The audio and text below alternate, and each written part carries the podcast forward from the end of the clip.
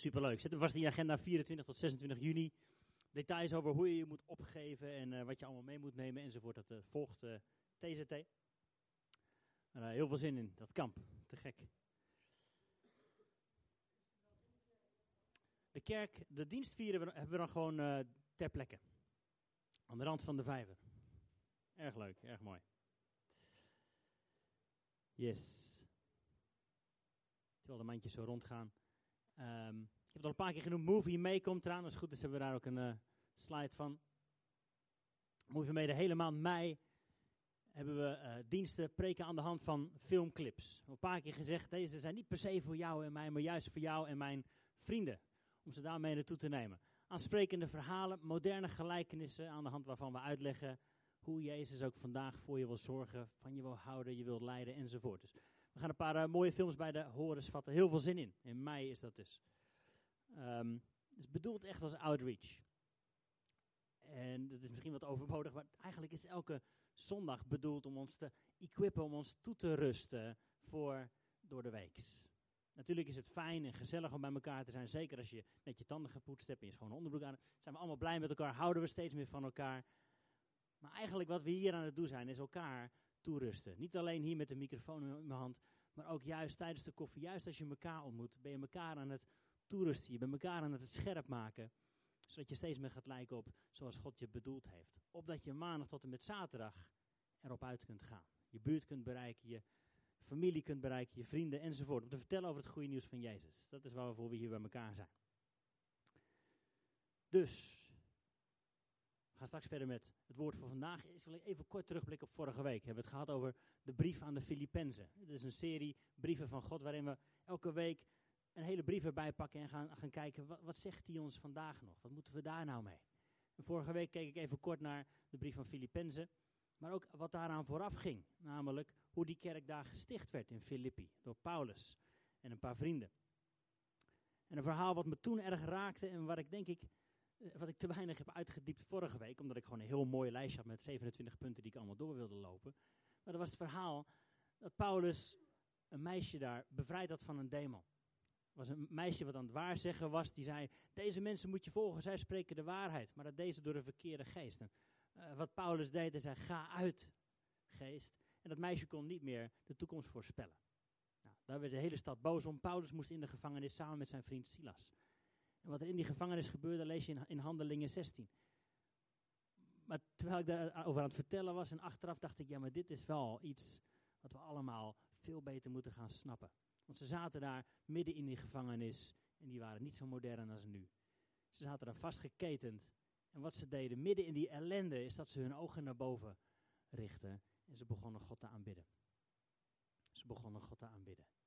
Niet vanwege hun omstandigheden, maar ondanks alle ellende waar ze in zaten. Want God was nog steeds goed. God was nog steeds waardig en groter en beter en sterker. Terwijl ze zo hun stemmen aan het verheffen waren, begon de aarde te schudden. En vielen hun kettingen af en waren ze vrij. En ik geloof dat heel veel van ons, en misschien geldt het ook voor mezelf, vaak nog zo vastzitten in kettingen. Omdat we deze sleutel niet pakken. Omdat we nog niet goed snappen wat het nou is. God aanbidden ondanks je omstandigheden. En daarom wil ik het nog een keertje herhalen. En voor, als je hier vanochtend voor het eerst bent, je, drink het in, neem het in je op. Wat, wat voor sleutel ligt hierin voor jou? Ondanks je omstandigheden, midden in die dingen waar je in zit, richt je ogen, richt je stem, richt je lofzang op Hem. Dan zul je gaan zien, de aarde gaat schudden. Letterlijk en figuurlijke aardbeving was daar. Kettingen vielen af. En er was vrijheid. En dat is ook wat ik vanochtend uit wil spreken. Als we hier zo de Bijbel openen.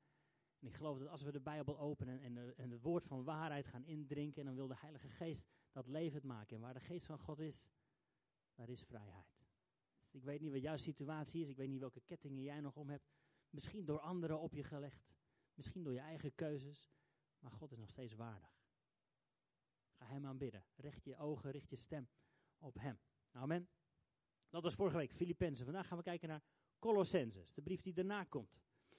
De brief die daarna komt. En zoals elke week zeggen we dat eigenlijk eventjes. De Bijbel is geschreven door mensen, maar geïnspireerd door God. Dat is een goede sleutel om te onthouden. Deze brief is geschreven door Paulus. Is geïnspireerd door God. En hij was geschreven niet aan ons, maar wel voor ons. Hij is geschreven aan mensen 2000 jaar geleden in Colosse. Ligt tegenwoordig in Turkije. Toen lag het in, in Klein-Azië. Dat is geschreven aan die mensen in die tijd. Wij kunnen er wat mee. Wij mogen er wat mee. En uiteindelijk hebben we ook telkens gezegd: het geschreven woord wijst altijd op het levende woord. Het geschreven woord mag ons altijd leiden en sturen richting Jezus. Uiteindelijk gaan we meer van Jezus houden na zondagochtend. Dat is waarvoor we samen zijn. Deze brief is geschreven ook toen Paulus in de gevangenis zat. Daar zat hij nogal eens. En um, had deze gemeente niet gesticht. Had zijn vriend gedaan. Epaphras had deze gemeente in Colosse gesticht. Maar Paulus had wel dingen gehoord. Een heleboel goede dingen en een paar dingen waar hij zich wat zorgen over maakte. En, en daarom schreef hij deze brief. Nou, dat is altijd een beetje, beetje uitzoeken. Waarom, waarom is deze brief nou geschreven? Het is net alsof je luistert naar één kant van het telefoongesprek. Uh, ook wel eens gehad, zit je in de trein. Is iemand heel vrolijk aan het blateren door de telefoon. Heel irritant, want je hoort maar één kant van het verhaal. Je bent altijd nieuwsgierig, in ieder geval ik wel. Wat, wat zijn nou die andere puzzelstukjes? Waar gaat dit verhaal nou eigenlijk over? Nou, dit is ook een beetje met de brieven die geschreven worden in de Bijbel. Je hoort één kant van het telefoongesprek. Je bent zo de verkeerde kant op gestuurd, omdat je een beetje aan inlegkunde gaat doen. Bijvoorbeeld, stel je voor, ik zit naast je in de trein, ik ben vrolijk aan het bellen en ik zeg, hey, eindelijk heb ik je te pakken. Ik was, ik was even benieuwd of die al, of die al gekomen is. Ja? Ah, geweldig nieuws, man. Hey, welke, welke dag is die gekomen? Ah, mooi, leuk. Hey, hey hoeveel weegt die? Zo, dat is een flinket. Jongen, hey, en, en wat voor kleur heeft hij? Oh, nou, dat is een beetje onverwacht. Nee, nee die kleur had ik niet verwacht. Hey, en, rijdt hij op diesel of benzine? Je zit zo in de verkeerde hoek, toch? Als je maar één kant van het verhaal hoort. Dus we moeten goed de Bijbel lezen, goed kijken, hey, wat, waar gaat het nou eigenlijk over? Welke punten brengt Paulus hier onder de aandacht en waar wijst hij ons eigenlijk naartoe? We, lezen maar één kant van het verhaal. Maar er zijn wel punten waar jij en ik geloof ik wat mee kunnen. Nou, eerst gaan we lezen hoofdstuk 1 vanaf vers 15. Verschijnt hier ook achter mij als het goed is. Paulus die aan deze mensen schrijft. Hij zegt, Christus heeft ons laten zien wie God is. Door hem werd God zichtbaar. Ik vind het mooi om zo te vertellen. God lijkt op Jezus. Als je wil weten wie God is, kijk naar Jezus. Door hem werd God zichtbaar. Met Christus is de schepping begonnen. God heeft Christus alles laten maken. Alles in de hemel, alles op aarde, de zichtbare en de onzichtbare dingen. Ja, zelfs alle hemelse machten en krachten. Alles is door Christus gemaakt en alles bestaat om Hem te dienen. Hij is belangrijker dan alles of iedereen. Alles is op Hem gericht. Christus is het hoofd van de kerk. Met Hem is de kerk begonnen toen hij als eerste opstond uit de dood. Alles is met Hem begonnen. God zelf wilde aanwezig zijn in Christus, want Hij wilde via Zijn Zoon vrede brengen tussen de schepping en zichzelf. Hij liet hem voor ons sterven aan het kruis. En daardoor is het nu weer goed tussen God en iedereen op aarde en in de hemel. En dan hoofdstuk 2 een klein stukje nog. Paulus schrijft: Het doel van mijn werk is om jullie moed te geven. Ik wil dat jullie een eenheid vormen door jullie liefde voor elkaar. Want alleen op die manier leren jullie alles te begrijpen en kunnen jullie Christus echt leren kennen. Hij is het geheim dat God bekend gemaakt heeft. Bij Hem is alle wijsheid en kennis te vinden. Ik zeg dit allemaal om jullie te waarschuwen. Ik wil niet dat je je laat bedriegen door mooie praatjes. Eventjes tot hier. Je dit een beetje gaat bestuderen en dieper lezen, dan, dan merk je dat deze gemeente in Colosse gewaarschuwd wordt voor, met een deftig woord noemen we dat, syncretisme. Voor eigenlijk een beetje van alles wat. Dat is waar ze in gingen geloven. Jezus en puntje, puntje, puntje.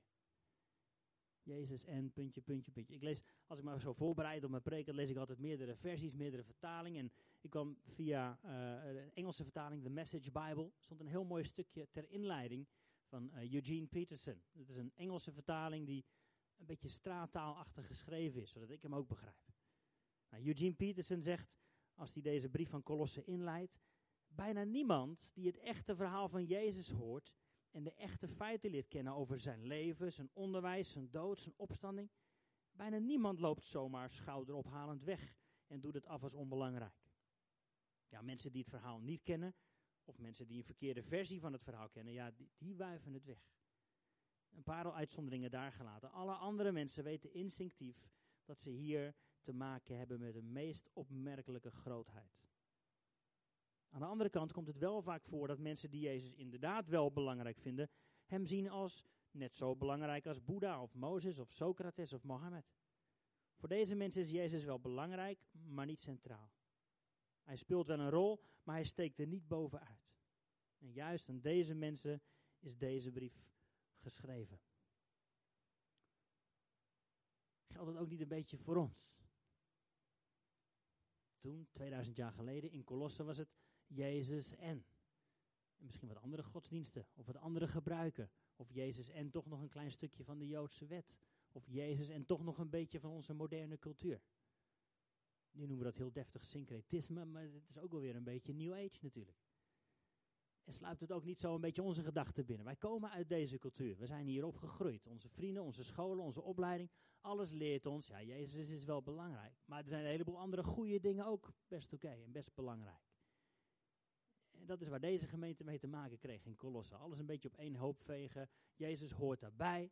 Natuurlijk gaan we naar de kerk, maar door de week zijn een heleboel andere dingen ook belangrijk. En op een heleboel andere dingen kunnen we ook vertrouwen.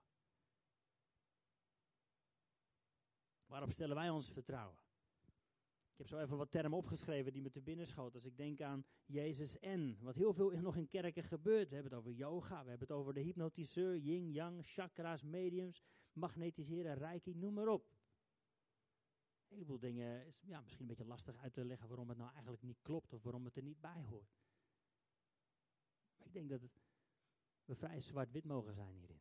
Nee, nee, nee. Ik vertrouw op Jezus. Deze dingen schuif ik aan de kant. Een poosje geleden hebben we het gehad over de, de vijf liefdestalen.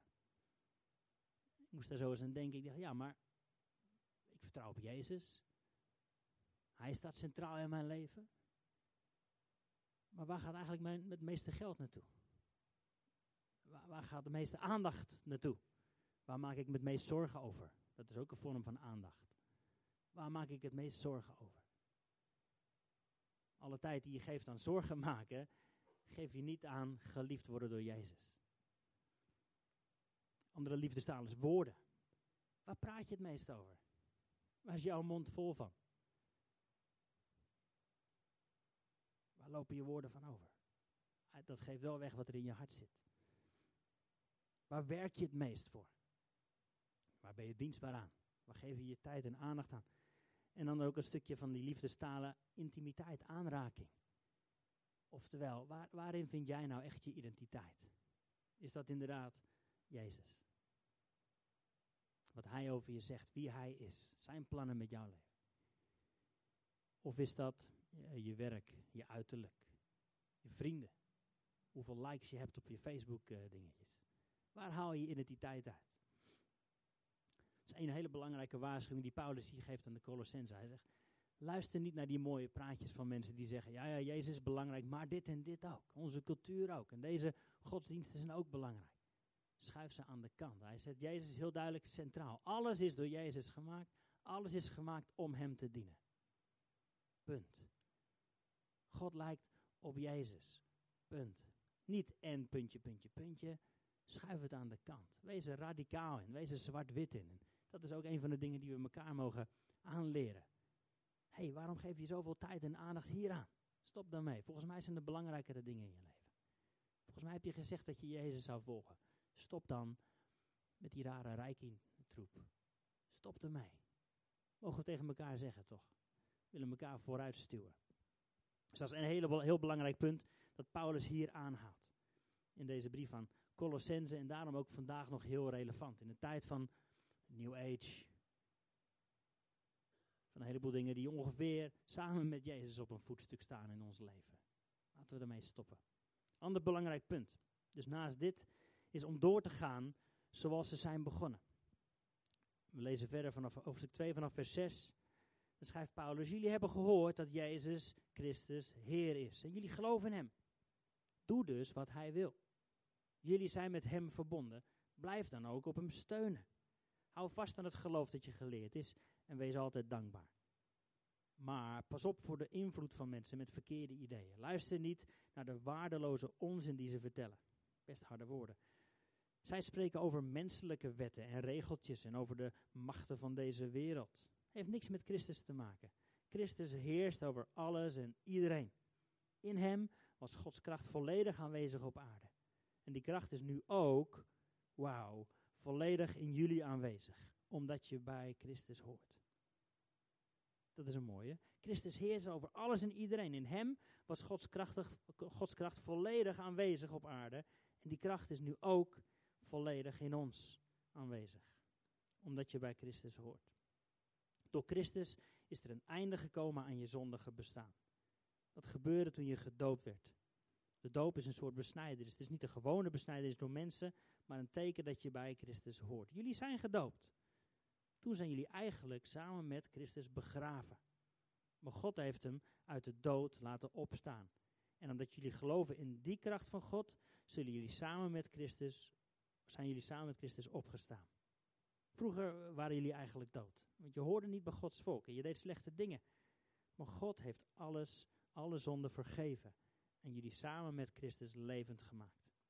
Onze zonden waren opgeschreven op een lange lijst. Die was bedoeld om ons te veroordelen. Maar God heeft die lijst weggedaan. Heeft hem vernietigd toen Christus stierf aan het kruis. Aan het kruis heeft hij alle machten overwonnen die over de wereld wilden heersen.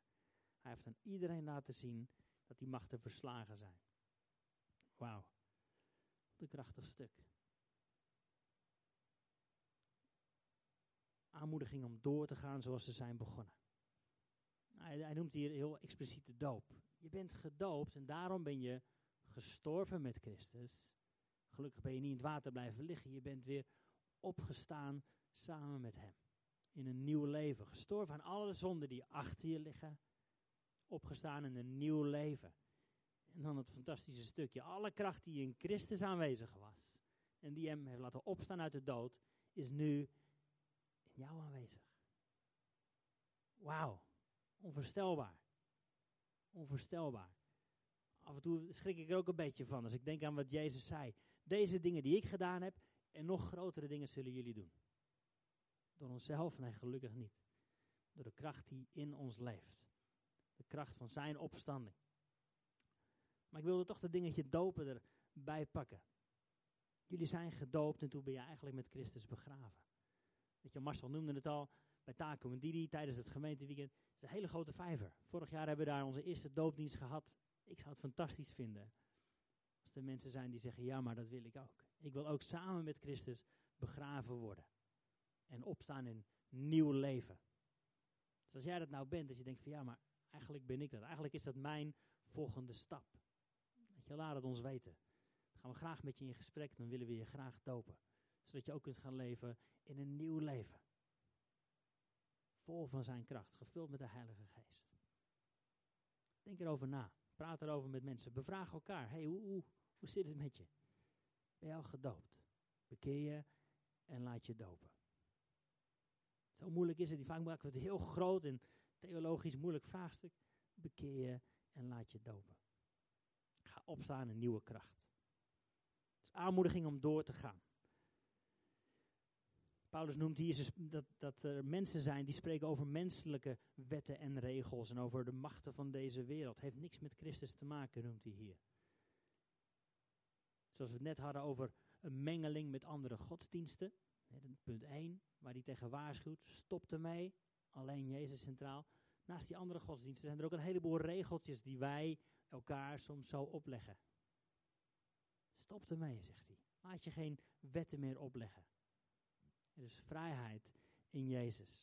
Ga zo door. En ga niet, nu je bent opgestaan in een nieuw leven, toch weer teruggrijpen naar oude wetjes en regeltjes om jezelf weer goed te voelen. Want dan ben je toch wel heilig genoeg. Nee, nee, stop ermee. Het is geen mengeling met andere godsdiensten, geen mengeling met andere levensovertuigingen. Alleen Jezus centraal. Maar ook geen mengeling van een klein beetje eigen wetjes en eigen gereidheid daarbij. Dus leg het aan de kant. Paulus is er heel duidelijk in. Hij gaat verder. Luister niet naar mensen die jullie veroordelen. Vers 16. Om wat je eet of drinkt. Laat je niet veroordelen omdat je niet aan de regels van de Sabbat houdt. Of omdat je geen feesten viert zoals het feest van Nieuwe Maan. Die dingen zijn niet belangrijk. Eén ding is belangrijk en dat is Christus. Nou wil ik mij afsluiten. Ik heb het geteld. 48 keer in het hele korte boekje staat Christus. In Christus, door Christus, met Christus, voor Christus, onder Christus. Hallo. Paulus is heel duidelijk. Heel duidelijk. Alles komt weer terug rondom Jezus. Laten wij ook ons leven gaan bouwen rondom Jezus. Op de rots. Op Christus. En ik weet niet waar je staat. Daarin, misschien is het voor jou nieuw en dat je denkt, ja, maar wie is Jezus? Paulus zegt heel duidelijk, je, alles is door Christus gemaakt. Alles is door Jezus gemaakt. En alles is gemaakt om Hem te dienen. Alles bestaat in Hem, door Hem en voor Hem. En eigenlijk is deze brief één grote oproep. Kom terug. Kom terug. Hier is die weg die aan het wandelen was. Ja, je bent bekeerd, je bent omgedraaid, je bent die andere kant op gaan lopen, maar ergens is het heel makkelijk om een paar stappen naar links of naar rechts te wandelen. Afgeleid door godsdiensten of mooie ideeën daar, of door wat extra wetten en regels aan de andere kant. Kom terug, zegt Paulus, naar die rechte weg. Misschien wel die smalle weg. Dat is Jezus. En misschien is jouw eerste stap terug inderdaad laten dopen. Het zou kunnen. Het zou fantastisch zijn. Misschien is het sorry zeggen tegen iemand anders. Misschien is, weet ik veel wat jouw eerste stap nu weer is. Maar keer terug naar die rechte weg. Naar alleen Jezus centraal. Dat is mijn verlangen, mijn hoop voor ons als kerk. Dat is mijn hoop, verlangen voor Ede, voor Nederland. Voor koning Willem-Alexander. Noem maar op, alle belangrijke mensen. Dat we Jezus weer centraal gaan zien in Nederland. Dat er daarom weer over Nederland gesproken wordt. Niet om wat we doen in Amsterdam in het Red Light District. Dat Jezus daar centraal staat. Niet het parkeerprobleem in Ede staat centraal. Jezus staat centraal. Niet alle verschillen tussen ons als kerken. Nee, nee. Jezus staat centraal. Als we dat gaan doorkrijgen. Wauw. Als we ons weer bewust worden van die kracht die Hij beschikbaar heeft gesteld. Wauw. Voor gaan we dan meemaken? Niet op zondag alleen. Zou fantastisch zijn natuurlijk. Morgenochtend. Jezus centraal. In de, in de manier waarop je praat met andere mensen.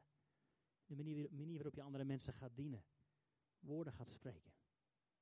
Ik geloof dat het steeds meer gaat worden. Dat we gewoon door de week in de stad lopen of op ons werk zitten en dat we gaan horen, ons bewust gaan zijn van wat Jezus eigenlijk al lang aan het doen is. Namelijk de mensen om ons heen aan het bereiken. De beste manier om zijn koninkrijk te bouwen is mee te werken met wat hij al lang aan het doen is. Niet vanuit onze eigen kracht, onze eigen mooie ideeën. Nee, nee, laten we samen gaan werken met wat hij al lang aan het doen is. ik zei al, één grote oproep van Paulus, die kom, kom terug. Jezus is de reden voor alles wat bestaat. Ook in jouw leven.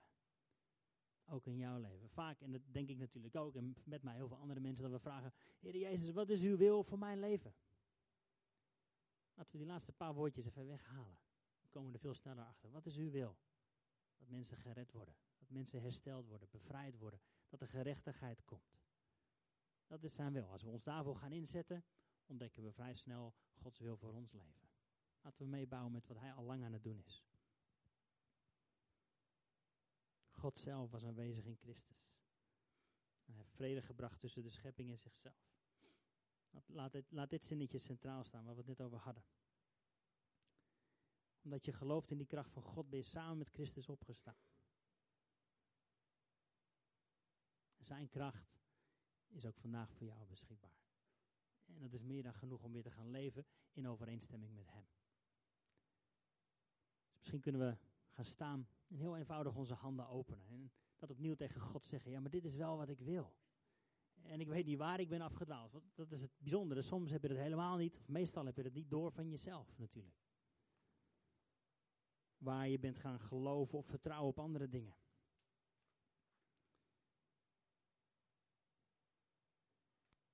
Lieve vader, zo willen we voor u staan. We zijn er ons bewust van dat u al lang hier aanwezig bent. Dat u bijzonder werk aan het doen bent in ons midden, in ons en door ons. En maar we willen terugkomen bij die rechte weg. We willen terugkomen bij Jezus. We willen ons vertrouwen stellen Niet op ons werk, niet op ons inkomen, niet op ons netwerk, maar op u alleen, Jezus. Heer, waar we gebouwd hebben op een ander fundament. Heer, dan vragen we, doe het voorzichtig, Heer, maar wilt u het schudden? Wees genadig, Heer, maar wilt u ons schudden, opdat we weer gaan bouwen op alleen Jezus de rots. En niet op menselijke overtuigingen, niet op onze eigen wijsheid, maar op Jezus.